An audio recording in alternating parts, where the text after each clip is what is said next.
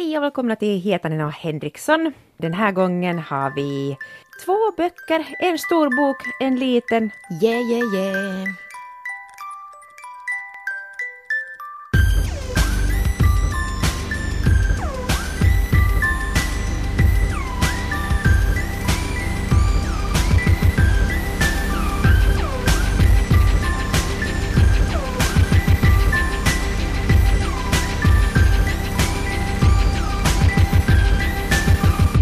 Det är mitt fel att vi har läst Arundhati Roys Den yttersta lyckans ministerium. Förlåt, Anne. Ja, jag vet inte om jag förlåter dig. Det har varit tungt.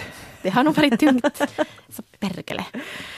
Det här är Arundhati Roy som uh, kom ner som en bomb med sin bok Det småtingens gudår 1997. För 20 år sedan. Faktiskt, och hon har inte skrivit något skönlitterärt sedan dess. Däremot har hon varit otroligt aktiv politiskt sett och skrivit olika pamfletter och böcker. Hon är till exempel förespråkare för Kashmirs eh, självständighet och eh, hon har varit mycket på olika minoriteters eh, sida, försökt kämpa för deras olika rättigheter och, och så vidare. Och eh, hon har helt enkelt inte hunnit skriva någon bok, men den här har hon hållit på där vid sidan om i, i ungefär tio år. Och, och Men hon har ju blivit lite mm, sådär förlöjligad också. Att folk har skra äh, lite skrattat åt henne och att hon var så äh, oj, det var den där vackra flickan som nu skriver lite, tror att hon är en författare. Liksom att, att hennes sätt att skriva har mm, kanske inte tagits så på allvar. Aj, det här visste jag inte. Berätta, berätta. Är det sant? Ja, eftersom hon inte mm, har någon desto mer litterär bakgrund. Eller inte vet jag, jag har fått en sån uppfattning att man, man har lite liksom sett ner på henne och klappat henne på axeln. Nå, bra, bra gjort, att, bra försök. Aj, avundsjukan, avundsjuka.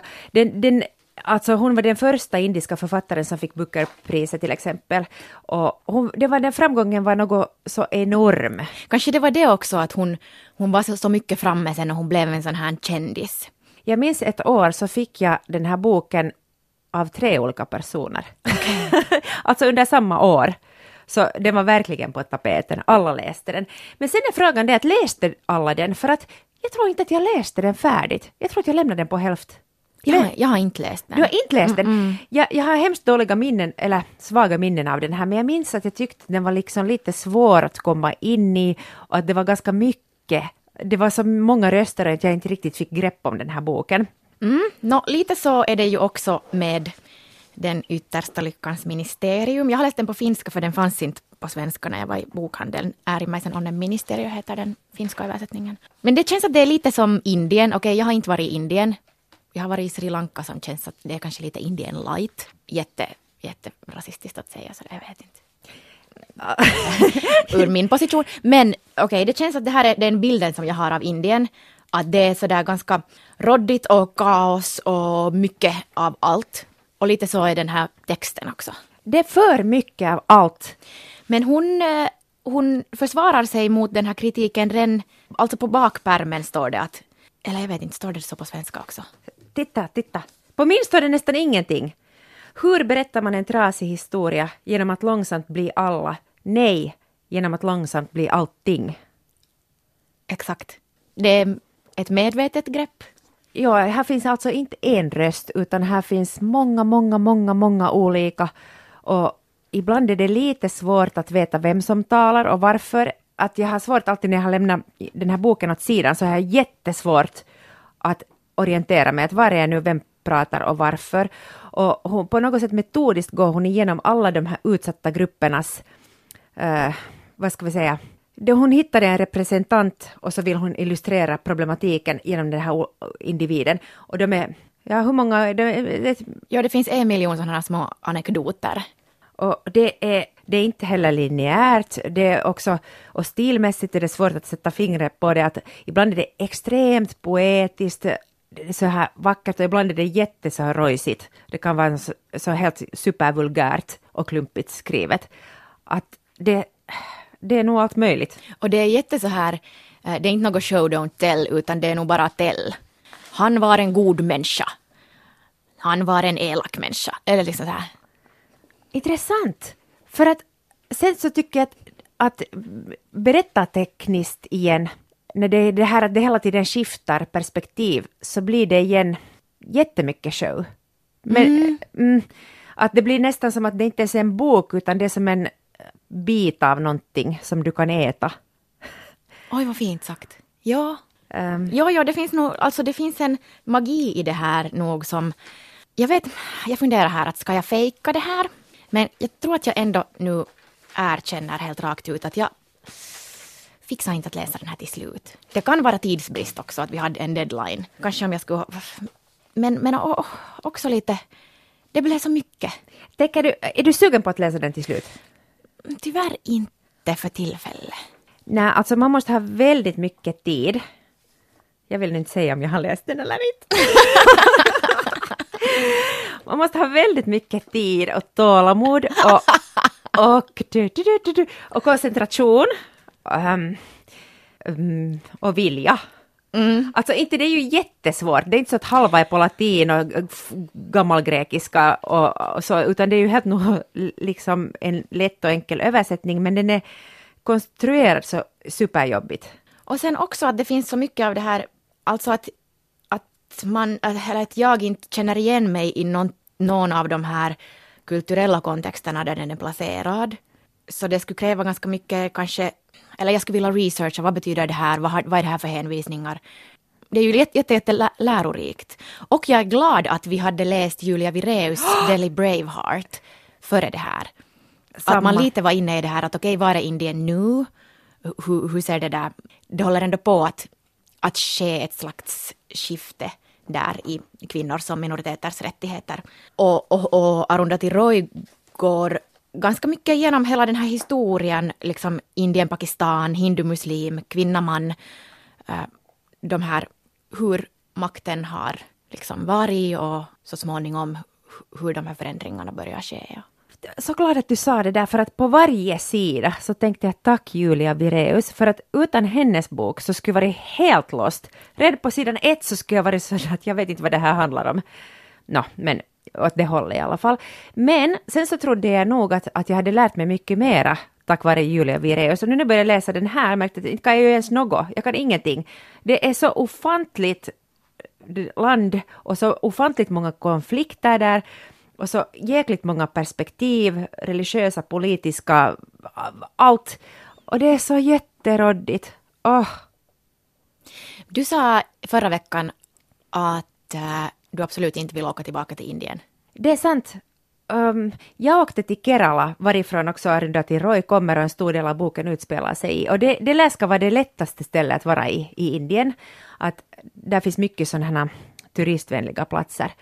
Ja, sen har jag nog varit i Delhi också, och i Trivandrum och några andra ställen. Och, och det, det söndrar mig det där stället för att det finns den där, den där fattigdomen är så enorm och det känns så fel att gå... Det är så fel att vara där och inte hjälpa bara. Vet du, man kan vara där om man hjälper, men att gå runt där och så kanske man går till ett varuhus och köper ett nytt nagellack åt sig själv. Jag får inte ihop det där, jag går sönder. Och sen att det finns så hemskt mycket vackert där. Och sen bredvid, ska vi säga världens vackraste palats, så ligger det någon och dör. Eller så ligger det ett lik där. Eller, och, och att man hela, varje dag ser döda människor gör att det... Att Är det på riktigt så att man varje dag ser döda man människor? ser varje dag döda människor. Jesus Christ. Och det blir som att det, det, deras människovärde är inte något värt alls. Men här går jag och så är man lite irriterad. Så var jag lite irriterad på att alla stirrar på mig. Stackars mig. Uh, jättejobbigt, jag måste gå till mitt hotellrum. Att det där, det, det, det gjorde helt, det var helt hemskt. Helt hemskt. Intressant. Här är ju också döden jättekonkret och okej, eh, huvudpersonen åtminstone i början. Andra delen är sen något helt annat. Jag har lite bläddrat och det far liksom ut. Uff, det blir något helt annat. Så jag kan ju bara tala om första halvan. Eh, huvudpersonen är en eh, transkvinna som alltså föds med, eller en inter, interkönad heter det. Alltså en, ett barn som föds med, med både penis och någonting som utåt ser ut som en vagina. Och, eh, men ändå identifierar sig som en kvinna. Och så småningom genomgår en könskorrigering som nu inte helt lyckas, men lever som en, som en transkvinna. Och, och det här kallades ju äckligt tidigare hermafrodit, men det, Vet det är ett föråldrat begrepp. Ja, men vet du att alla vet inte det. Det finns till och med recensioner av den här boken som folk använder ordet hermafrodit. Det är så kränkande. Men, men eh, till exempel svenska RSF, Riksförbundet för sexuellt, vad heter det, RSFU, äh, har en jättebra begreppslista. Ja, Om man, som jag också, inte, inte kommer man alltid känna till alla de här begreppen, men det är nog jätteviktigt att utbilda sig själv och använda rätt termer för att, för att det, är så, det sker någon förändring liksom, i de här attityderna. Gå och läs den. Det begreppet de själva använder där i Indien tycks vara hira. Ja, Och Julia Vireus använder det också i sin bok. Ja. Och de här kvinnorna, eller personerna, har en helt, helt eh, en, en särställning, eller en speciell ställning i det indiska samhället, där det ju de facto finns ett juridiskt tredje kön nu för tiden. Men, men de är liksom, ja, de lever utanför samhället och de är bespottade och men samtidigt finns det en viss magi som man förknippar med dem och människor tänker att, att de här hirorna bringar god tur och, och de har en de klarar ändå av att det finns liksom en viss... Och, det finns en gemenskap inom den här gruppen som är jättestark. Ja, och jag tror att jag skulle inte ha förstått riktigt mig på den här personen om inte jag just då hade läst Julia Vireus bok. Precis, och hur hon beskriver det där att det, det fanns den här i den hinduistiska traditionen så, så är det här att man hoppar mellan könen helt normalt. Att det finns liksom, det flytande. Ja. Att det är sen den här koloniala brittiska välde som har gjort det till ett förtryck och som har på något sätt delat in det strikt i den här binära man och kvinna. Den här personen som du pratar om, så hon kommer nog med, hon är med hela boken igenom. Mm, Och jag måste säga att hennes, hon var den som jag fick tag på, som jag tänkte att den här personen vill jag känna, den här, den här är intressant. Och hon, det kan vi väl berätta, att hon skaffar ett boende åt sig. på- Ja, det var dit jag skulle komma med den där döden. Ja, och hon börjar bo på gravgården. Mellan på gravarna bygger hon ett hus, eller ett ruckel. Och, och där vi, hon bygger ut genom bokens gång så blir det större och större det här. Ja, och varje rum har liksom en egen grav. Ja. Att runt en grav så blir det ett rum och då kommer det alla möjliga olika människor som, som, bo, som, som får bo här hos henne och, och alla tilldelas då. Jaha, den här personen bodde på den här graven och så har de liksom sitt eget rum där och där finns någon slags toalett och där finns kök och där finns vardagsrum och Och det här är ju förstås jätteförbjudet, men man vågar inte heller driva bort henne där eftersom hon har den här egenskapen att hon kan, hon kan förbanna folk då. Och, och folk är ju rädda för att det ska hända något, så hon, hon lyckas hålla det där rucklet där på gravgården. Plus att på många sätt så är det ett av de lyx, lyxigaste ställen i Delhi, därför att hon stjäl elektricitet från det här likhuset var, ja, var det ligger döda kroppar och de där döda kropparna måste ju alltid vara i kyla så att de inte börjar ruttna. Så hon har alltid elektricitet. Och, och, det, det, på det, ja, och det, det är ju inte på något annat ställe så, men där är det så. Och, och, hon har ganska sådär speciell människosyn, ganska sådär intressant. Och, och sen de människorna som kommer till henne har också alla en intressant historia. Ibland får vi veta mera, ibland får vi veta mindre. Uh, så hennes liv är ganska spännande. Men här finns så många personer och alla har liksom agenda på något sätt. Att Arundhati Roy har velat visa någonting, att med den här vill jag visa Kashmirs situation och med den här vill jag visa, visa kvinnornas och det här eh, barnens och, och jäkla råddigt blir det. Ja, alltså jag fick inte riktigt tag på någonting, vad, vad kan jag förvänta mig? Och sen eftersom jag började läsa Sadie Smith som vi talade om förra veckan, här mitt i, och den var så jävla bra, så sen, eh, jag kunde inte liksom komma tillbaka till den här yttersta lyckan för att det var för råddigt. Jag, jag orka, jag, det fanns ingen drivkraft. Det fanns ingenting som fick mig att vilja veta hur historien fortsätter. Jag får nu underkänt. Nej, alltså, nej, men jag håller helt med. Och sen var det ett annat perspektiv också som jag tyckte var jätte, no, inte jättejobbigt men lite jobbigt. Att här finns, mm, här finns mycket sån här humor och ironi. Men jag kände alltid att jag är fel person att skratta åt det här. Vet du, jag skrattar uppifrån. Uh, till exempel, nu är ett klumpigaste exempel, så där är en som kallar sig själv, han har döpt sig själv till Saddam Hussein. Och det är roligt, men det, samtidigt är det så tragiskt. Han, han tycker att Saddam Hussein var så tuff när han tittade så coolt på sina bödlar när han dog. Men samtidigt så det där, hur ska vi säga, den här mannen är då inte jättebildad och tja, det blir som fel att skratta åt det här. Och det är mycket annat också som är helt sådär galet och tokigt och på sätt och vis lite roligt, men mest är det bara sorgligt. Så att man, ja. Vi, vi, vi ser ju på det här utifrån. Att jag tycker ändå att hon har, eller den där värme, att hon beskriver det med en sån värme eftersom hon, hon kan göra det, hon är mitt inne i det. Och det är kanske helt hälsosamt att vi känner det här utanförskapet, att okej, okay, vi kan inte fatta vad det är, vi kan bara föreställa oss via de här bilderna som hon målar upp.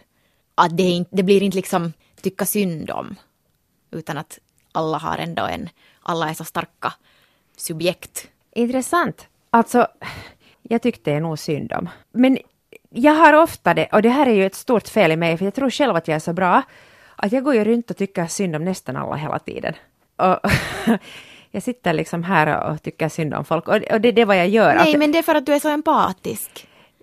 Nå, ja, no, ja, men jag tänker sådär att jag tycker nog synd om, om överheten också. Det är inte bara att, att jag tycker om synd om de som har det sämre ställt än jag. Jag tycker ju synd om alla. Alltså, mm. kan, det, kan det vara ett försvar? men alltså, den här boken ska man ge åt någon som man vill ge lite huvudvärk, och åt någon som man vill lite sätta på pottan. Mm, en utmaning. Eller så säger man bara, eller nej, man säger bara att läs den här, det var nog så lättläst och roligt. Oj, det här var jättebra. Det här var så underhållande. Jag läste den här på en kväll. Ja, det här var sån där riktigt feelgood. Nej, nej, nej, nej, nej, nej. Men... Hmm. Kanske någon som inte har så mycket annat på gång i sitt liv. Man kan säga, du som inte har något annat på gång i ditt liv. här har du. Nej, men du har rätt. Alltså, man borde ha det ganska sådär lugnt och, uh, i sitt eget huvud. Och vet du vad som nog också skulle vara bra?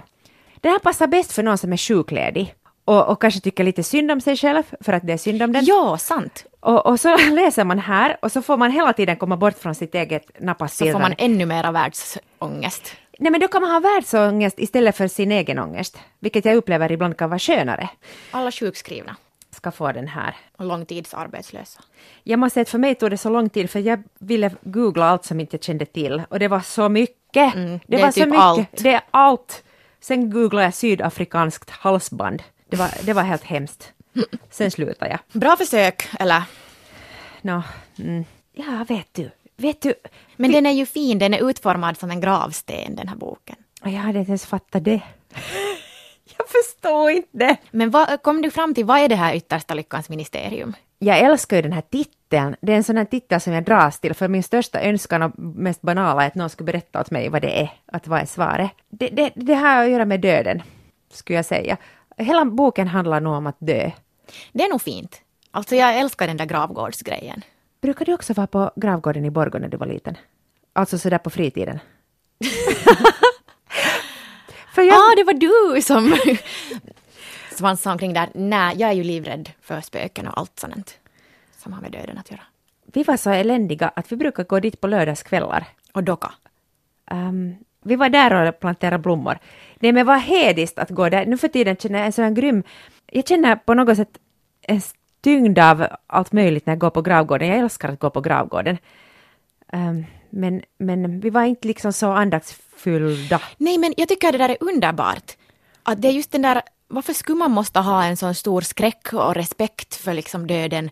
Att varför kan man inte ta döden ner och göra den lite sådär trashy och göra liksom som Arundhati Roy gör att äh, liksom kom, kom här så får du en drink och, och liksom sitter där på gravstenen och röker.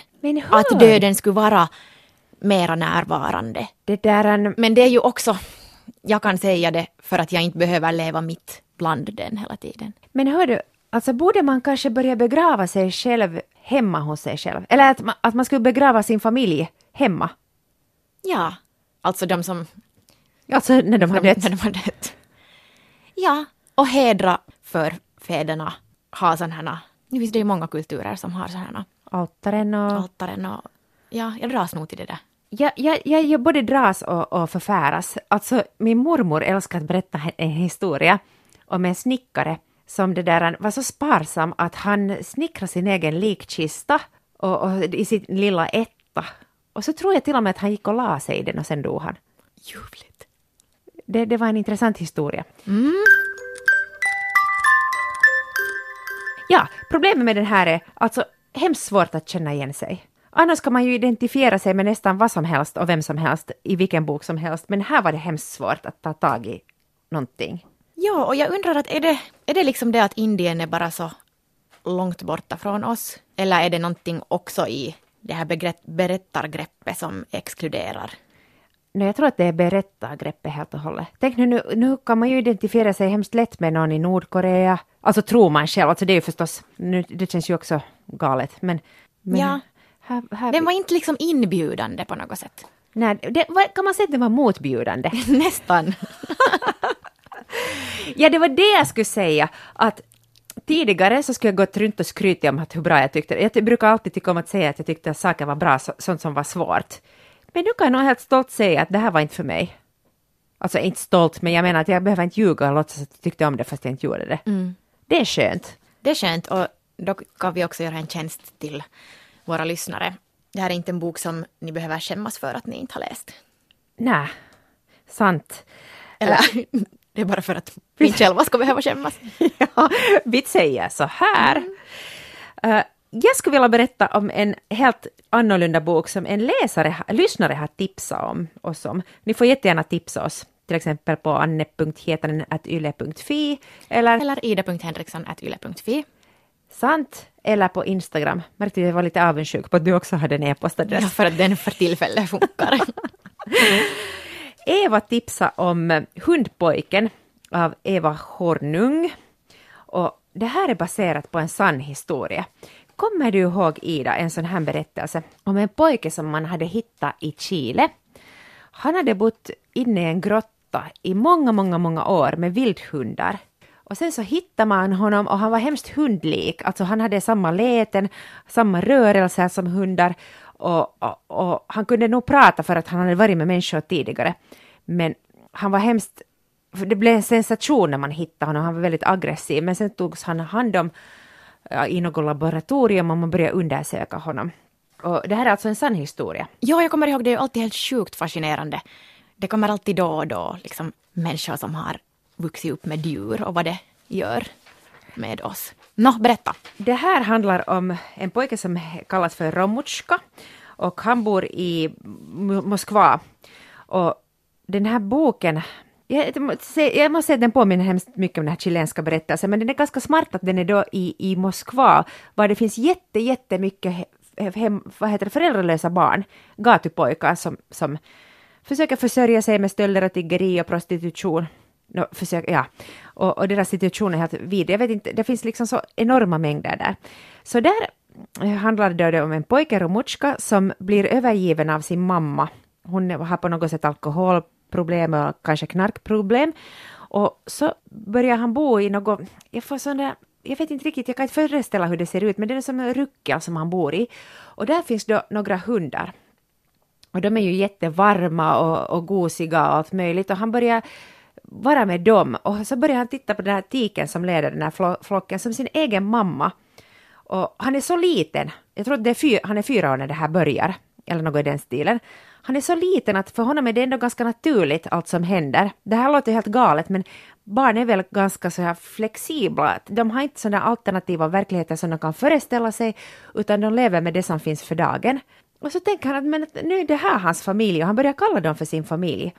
Och, och han har så bröder och syskon som är de där andra hundarna och, och tillsammans börjar de jaga på nätterna, de hittar mat tillsammans och, och ibland så diar han den här mamman själv och dricker den där hundmammans mjölk för att överleva.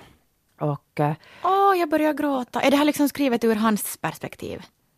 nej, det är en som berättarröst Okej, som berättar det. den här, men Ja. man, man identifierar sig Ja. jättestarkt med den här pojken och man får se saker från hans verklighet. Och det underliga är att hur sjukt det här än är så kan man köpa det.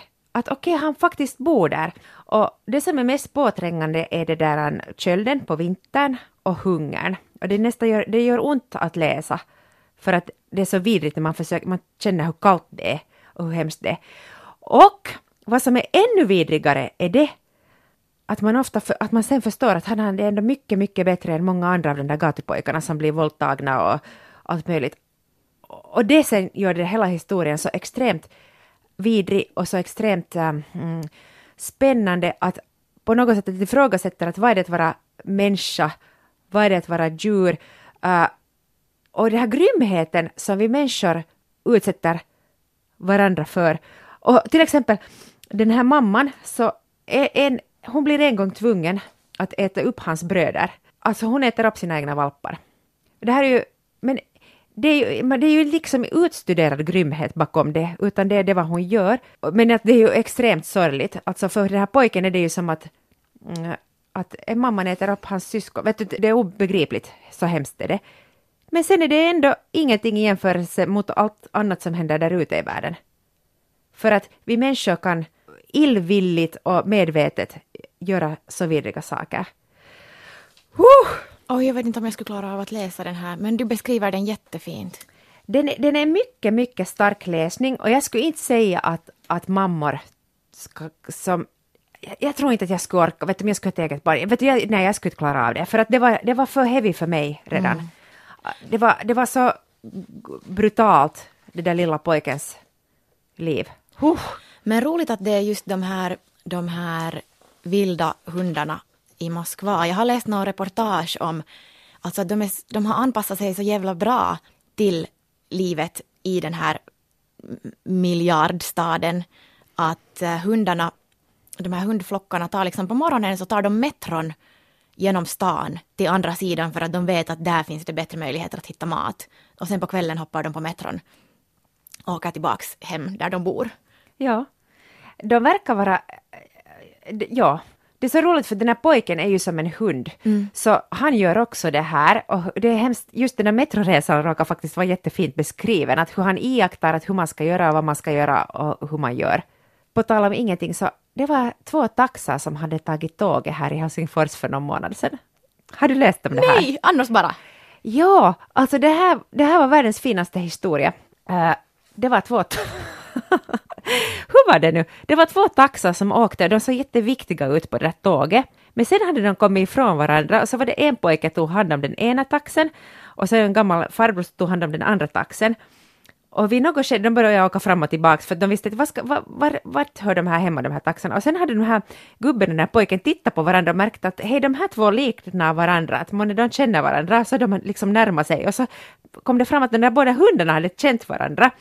Och sen hade de jätteolika karaktärer. Den ena hunden hade varit helt supercool och visste precis vad den skulle göra, vart den ville och hur den ville. Och den andra var jätteolycklig och, och visste ingenting och var helt råddig. Nå, sen hade de här båda fört dem till hittegods, de här hundarna. Och sen vet jag inte hur det gick sen. Sen blev de där på hatthyllan bland borttappade ryggsäckar. Och... Ja, men det var säkert lite, lite det där. Men bra att de hittade varandra åtminstone. Var inte ganska söt historia? Mm. Så den här Hundpojken av Eva Hornung Hornung rekommenderar jag. Oj, oj, oj. Den finns som pocket, den är inte alldeles ny och sen finns den också på Nextory uppläst av riktigt bra uppläsare, en sån där väldigt neutral röst. Men för, för, för folk som älskar hundar är den här nog väldigt bra. Och Eva som tipsade om den här vet att jag älskar hundar. Och för mig, jo, vet du varför det var så bra att jag läste den här? För att jag är ju sådär barnsligt förtjust i djur att jag nästan liksom, jag gör, ger alltid mänskliga drag åt dem. Och det är något sådär otroligt barnsligt och ut, liksom, ja, barnsligt att jag, jag kan sörja en film, så om det går illa för hunden så sörjer jag mycket mer än om det går illa för en människa. Så det här var helt bra för mig att på något sätt sätta igen, eh, få rätt propo, vad heter det, perspektiv. Att, att jag förstod i och med den här boken igen att människor är ändå människor och hundar är hundar. Ah, okej, okay, det blev inte, för jag tänkte just sådär att ja, ja, men hundar är ju bättre än människor. Ja, det är de ju, men de är ju inte bättre än, än små barn eller liksom oskyldiga människor. Det, och fina människor. Tack för det här. Oj, det var jätteberörande. Men du får inte läsa den. Okej då. Men det var du och jag och alla andra får göra, det är att vi får titta på arenan hur mycket vi vill och nu finns det ännu ett litet tag till tid att titta på Jörn Donners filmatisering av Människan inte våldtas. Märta Tikkanens klassiker. Ja. Nå? Nå, vi har tittat på den här filmen. Det första man kan säga är ju att filmer åldras ju inte så bra. Förlåt, får man säga så? Man måste säga så. Um, det måste man säga. Uh, jag tyckte igen, jag hade också tänkt sådär att Annette-filmer åldras ju inte alltid sen så bra. Och Jörn Donner och vet du, eh, uh, 75 kom väl hennes bok, då måste det ha varit just efteråt. Nu, nu kanske jag har lite där slirat med de där årtalen. Men, men så jag hade väntat mig att det skulle vara helt åder förkalkat. Men ganska snabbt kom man nog ändå in Ja. i den där stämningen. Ja. Det var nu bara där i början som det kändes lite så att usch, vad har de gjort med det här ljudet? Och, Jag, jag är ju så billig att jag blev väldigt kär i den här huvudrollsinnehavaren för, bara för att hon var så vacker. eller hur? Ja. Helt jättevacker. ja, det intressanta vad han gjorde här, Jörn Donner, att han tog ganska många rikssvenska skådisar med och jättefå finlandssvenska. Och jag tror nog att det var ett bra val. De finlandssvenska var inte tillräckligt bra. Nej, och det var inte Jörn Donners fel att de var dåliga. Hon heter Tova Randers, den här romanens huvudperson. Eh, Hon är frånskild tvåbarnsmamma och i den här filmen och i boken så har hon just fyllt 40, fyllt 40 år. Och det som händer med henne är att hon blir våldtagen. Och hon, Hon vill hämnas. hon vill hämnas! Och, och det handlar den här filmen om, att hur hon gör det. Och vet ni hur mycket skit Marta Tikkanen fick när hon skrev den här boken? Hon, eller nej, det var så att hon blev hyllad i Sverige och hatad i Finland. Ja, för, nej, för att i det här har jag också hört att man tyckte att det var... Jag vet att Nej, men det, jag tycker bara att det beskriver, eller så har jag förstått det, att, att det beskriver skillnaden i debattklimatet. Liksom att i Sverige så kunde man förstå, för att feminismen har, har varit så mycket starkare i Sverige, att där har man förstått vikten av det här inlägget i debatten som hon har, eller liksom att, att den, här, här, den här boken beskriver så många aspekter av könsmaktsordningen på ett så bra sätt. Att i Sverige har man kunnat förstå det och i Finland har man ungefär blivit kränkt. Att "Mm, hur kan man skriva sånt här? Nu, nu så här i efterhand så då kan man ju säga att det har ju hänt ganska mycket. Jag tror inte att det är någon som blir kränkt numera. Jag tror. Alltså jag har ingen tillit till den finska mannen. Att liksom den feminismen som vetenskap eller som, liksom att det tas inte på allvar. Det, för att folk inte förstår vad det handlar om och inte orkar sätta in sig och kan bara vifta bort saker. Jag tror nog så mycket på den nya, genera nya generationerna. Vi som har varit med jättelänge och på något sätt själv har köpt de här maktstrukturerna och tagit dem som självklara. För oss kan det vara svårt att erkänna att också vi hade fel. Vet du vad jag menar? Att no, åtminstone jag känner en sån, en sån här, hur ska jag säga? Jag tror att vissa, vissa, är, här- vissa är för gamla helt enkelt. Ja, och att man inte uppifrån, att inte makten tar ansvar, att vår regering är en all male panel och att man inte därifrån skickar signaler, liksom att det är viktigt att försvara de som är i en utsatt position, utan bara försvarar sina privilegier och, och håller fast vid dem. Men tror du att kanske det om fem år redan är helt annorlunda i Finland? För jag tycker att det är ungefär fem år efter som vi fortfarande är alltid. Ja, kanske det. Och sen kommer nya generationer. Alltså vet du vad, jag tycker att det, om man tänker på debatten, jag följer med då liksom lite äldre människors eh, diskussioner och yngre människor. Jag tycker att den här medvetenheten har ökat helt lavinartat om man jämför olika generationer emellan. Nu, nu, nu, är det inte så här, nu är det inte så här alltid, men i stora drag kanske. Absolut. Män kan inte våldtas. Alltså jag, jag måste säga att jag chockerades av en sak och det var de här männens olika frisyrer. de hade vet du såna krambambuli Karlsson-hår att jag, jag, jag tappade greppet totalt. Det, då blev jag lite kränkt. Men eller hur att de här kvinnorna var ju liksom, det jag tänkte på att de kvinnorna var så snygga och fina och de här männen var så fula. Ja, alltså faktiskt. Jag tänkte flera gånger att varför, att skulle hon ha blivit intresserad av det där groteska? Nej. Men jag tror att, att man gjorde ännu mer så då tidigare. För att den där maktskillnaden var så stor att vet du, en vacker kvinna kunde vara med vad som helst utseendemässigt för att det fanns så många andra faktorer som spelade in. Inte, inte, nu skulle man inte rollbesätta kanske på det sättet mera. Tänkte du på skammanifestet? Tänkte du just säga det? Jag tänkte inte säga det men bra att du sa det för jag, jag tänkte på det när jag tittade på den. För att den hade kommit kanske fem, sex, sju år tidigare. Och jag tänker att det, när Märta Tikkanen, hon skulle inte ha kunnat skriva det här utan skammanifestet. Det här är, jag har inte läst, du har säkert läst det. Jag har inte heller läst, jag har läst liksom ut, utvalda delar. Nå, jag, samma här. jag har inte läst hela från början till slut, vilket jag absolut vill göra. Ah, ska vi göra det Ida? Jo! Det är bara 50 sidor, ish. Det gör vi. Okej? Ordentligt. Okej? Bra. Woo! Men alltså för att, att det här med manshat är så eldfängt på något sätt. Hur kan det vara det när kvinnohat tillåts och existerar hela tiden? Vårt samhälle genomsyras av kvinnohat. Så sen om man säger att jag hatar män så blir det på något sätt en så stor grej. Men jag tror att det, det är för det där kvinnohatet är så internaliserat. Det är också det är genomskin... Eller det är svårt att... Hur ska jag säga? Det är så inbyggt i allt att det är svårt att peka på det. Det är som en känsla i dig själv bara. Så man vet inte att det är det i mig själv eller är det utanför mig. Men okej, det är utanför mig. Ja, och det är ju på grund av det som det här manshatet uppstår. Att Jo. jag, ju äldre jag blir, desto mer börjar jag hata män. Eftersom det finns ett sånt kvinnohat. Att det är ju ett resultat, en direkt verkan. Men jag tror att det, alltså problemet är det att när man säger rakt ut att jag hatar män, så blir det ganska sådär, det blir för synligt, det är för starkt, att man borde göra det också på ett smygande sätt, vet du, man borde internalisera det på något sätt, Huh! vet du så här, Ehm, så det inte syns. Hur skulle man göra det då på ett smart sätt? Manshat. I smyg hata män, hur gör man det? Börja anställa bara kvinnor, sänka männens löner. Uh, inte vet jag, ta bort mäns rösträtt.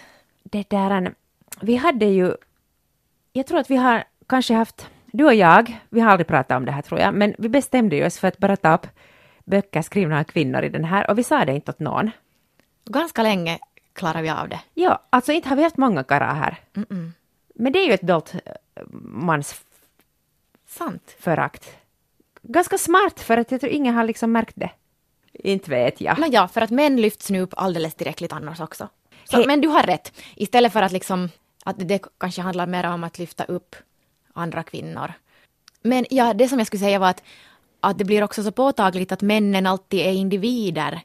Att om du säger att du hatar män så tar en man det personligt. Att varför hatar du mig? Medan kvinnor alltid ses som en grupp. Aj, det är sant. Och vet du vad, jag kan inte säga att jag hatar män, för då tänker jag på alla de där individerna jag känner som ändå är helt trevliga. Vet du vad som gjorde mig helt rabiat här en dag? Nå, nu inte blev jag nu rabiat, men jag hade inte fattat det här. Var det man är mellan raderna-podden som man pratade om det här att en... Jo, det var mellan raderna.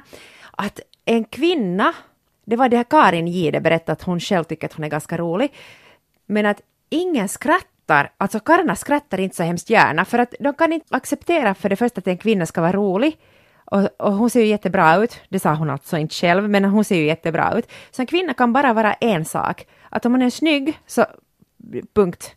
Men hon kan också vara, eller hon kan inte vara också smart och rolig. Och så det hade gjorts undersökningar alltså om det, att karlar inte så jättegärna skrattar åt kvinnlig, kvinnors skämt. Och då tänkte jag i mitt stilla sinne att kanske mellan, där, mellan jag är 60 och 70, då, då tänker jag bli en komiker. Men jag tänkte just säga att men du är ju undantaget. För att du är både snygg och smart och rolig. Tack detsamma, men... Men nej, men helt på riktigt, jag är ju inte rolig alls och jag har inte några vanföreställningar om det. Och jag har också helt gett upp det att jag behöver inte vara rolig. Att okej, det räcker att jag är kanske då bildad eller inte vet jag. Och snygg. Vill inte du vara snygg? Förstås jag vill. Du är förresten extremt snygg idag. Jag har haft svårt, alltså att, att jag, jag har li- liksom svårt att inte ta upp Det det. är för att jag har slutat sätta mascara på underfransarna. är det sant? ja, det är en jättestor förändring. Ah, ja. Tack för att du säger det. Ja, jag, jag vill ju vara rolig, det är helt självklart att, att det är väldigt... Men du lyckas med det, att Jo, vara men vet liksom du vad? allt det här på ja, en gång. men tänk, vet du vad, jag har ju aldrig riktigt trott att jag är rolig, men vet du vad? Det är kanske för att de här karlarna inte skrattar åt och med mig fast de borde. Tänk det. Skrattar inte de? Nå, när jag börjar fundera så de borde ju ha skrattat mera. Alltså jag tycker nu så här i efterhand så kan jag ge minus åt alla som inte har skrattat tillräckligt åt mina roliga skämt. Jag har gjort ganska mycket program tillsammans med män och då har jag nog alltid varit, det är också eget fel faktiskt, att jag jag är lite sådär att nå vad skulle jag gammel-kråkon, att jag sitter nu hit i, att jag kan prata om det blir tyst så kan jag säga någonting. Men då har jag nog alltid varit en biroll. Och den där skrattaren, liksom den anställda skrattaren åt karlarnas fantastiska skämt.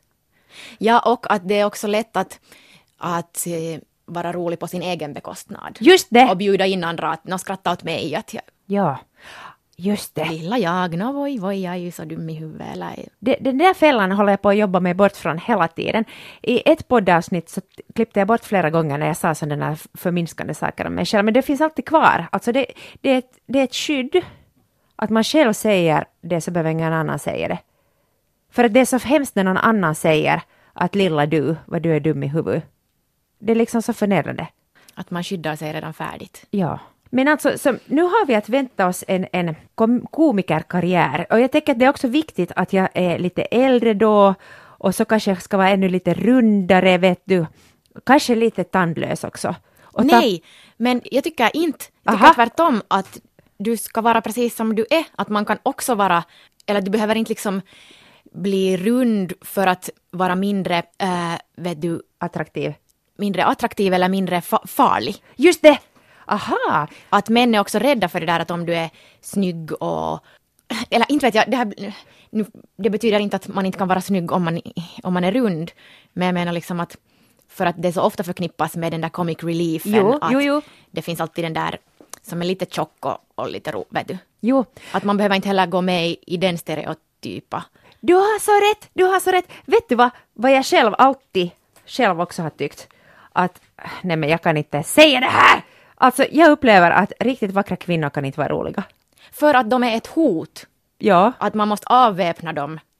Jo, jo. Det finns någon sån där Aj, vad hemskt. Alltså det här är ju helt vidrigt. Uh, jag får helt hjärtfel. mot andra kvinnor och framförallt mot män. Liksom. Män kan inte våldtas finns alltså på arenan. Jörn Donners film Märta Tikkanens underbara bok. Men hej, det där med skummanifestet var helt jättebra idé. Ja, det finns många som säger att den är så grym att man inte vågar läsa det, men det tror jag inte på. Det är 50 sidor. Voj, voj, hur, hur hemskt kan det nu vara? Eller? Nej, jag är helt eld och lågor. Alltså, det är ju inte bokstavligt att alla män ska nu dödas. Nej. Och jag är intresserad av hur, hon, hur det ser ut stilistiskt, att, hur, hur den fungerar på riktigt. Ja. Så spännande! Jättebra. Hej! eh, tack för idag. Jag tänker att jag försöker mig på sluttexterna den här gången. Vi heter Ida Henriksson och jag heter Annie Hietanen. Det blir jättekonstigt, men ni vet vad jag menar. Henrik Heselius har gjort vår jingel och eh, Björn Karlsson har tagit vårt fina fotografi och vår proce- procentproducent heter Kia Svetihin. Vi hörs igen åtminstone en gång före jul. Yes. Sen tar vi en liten paus. Men hörs nästa vecka. Hej då! Hej hej!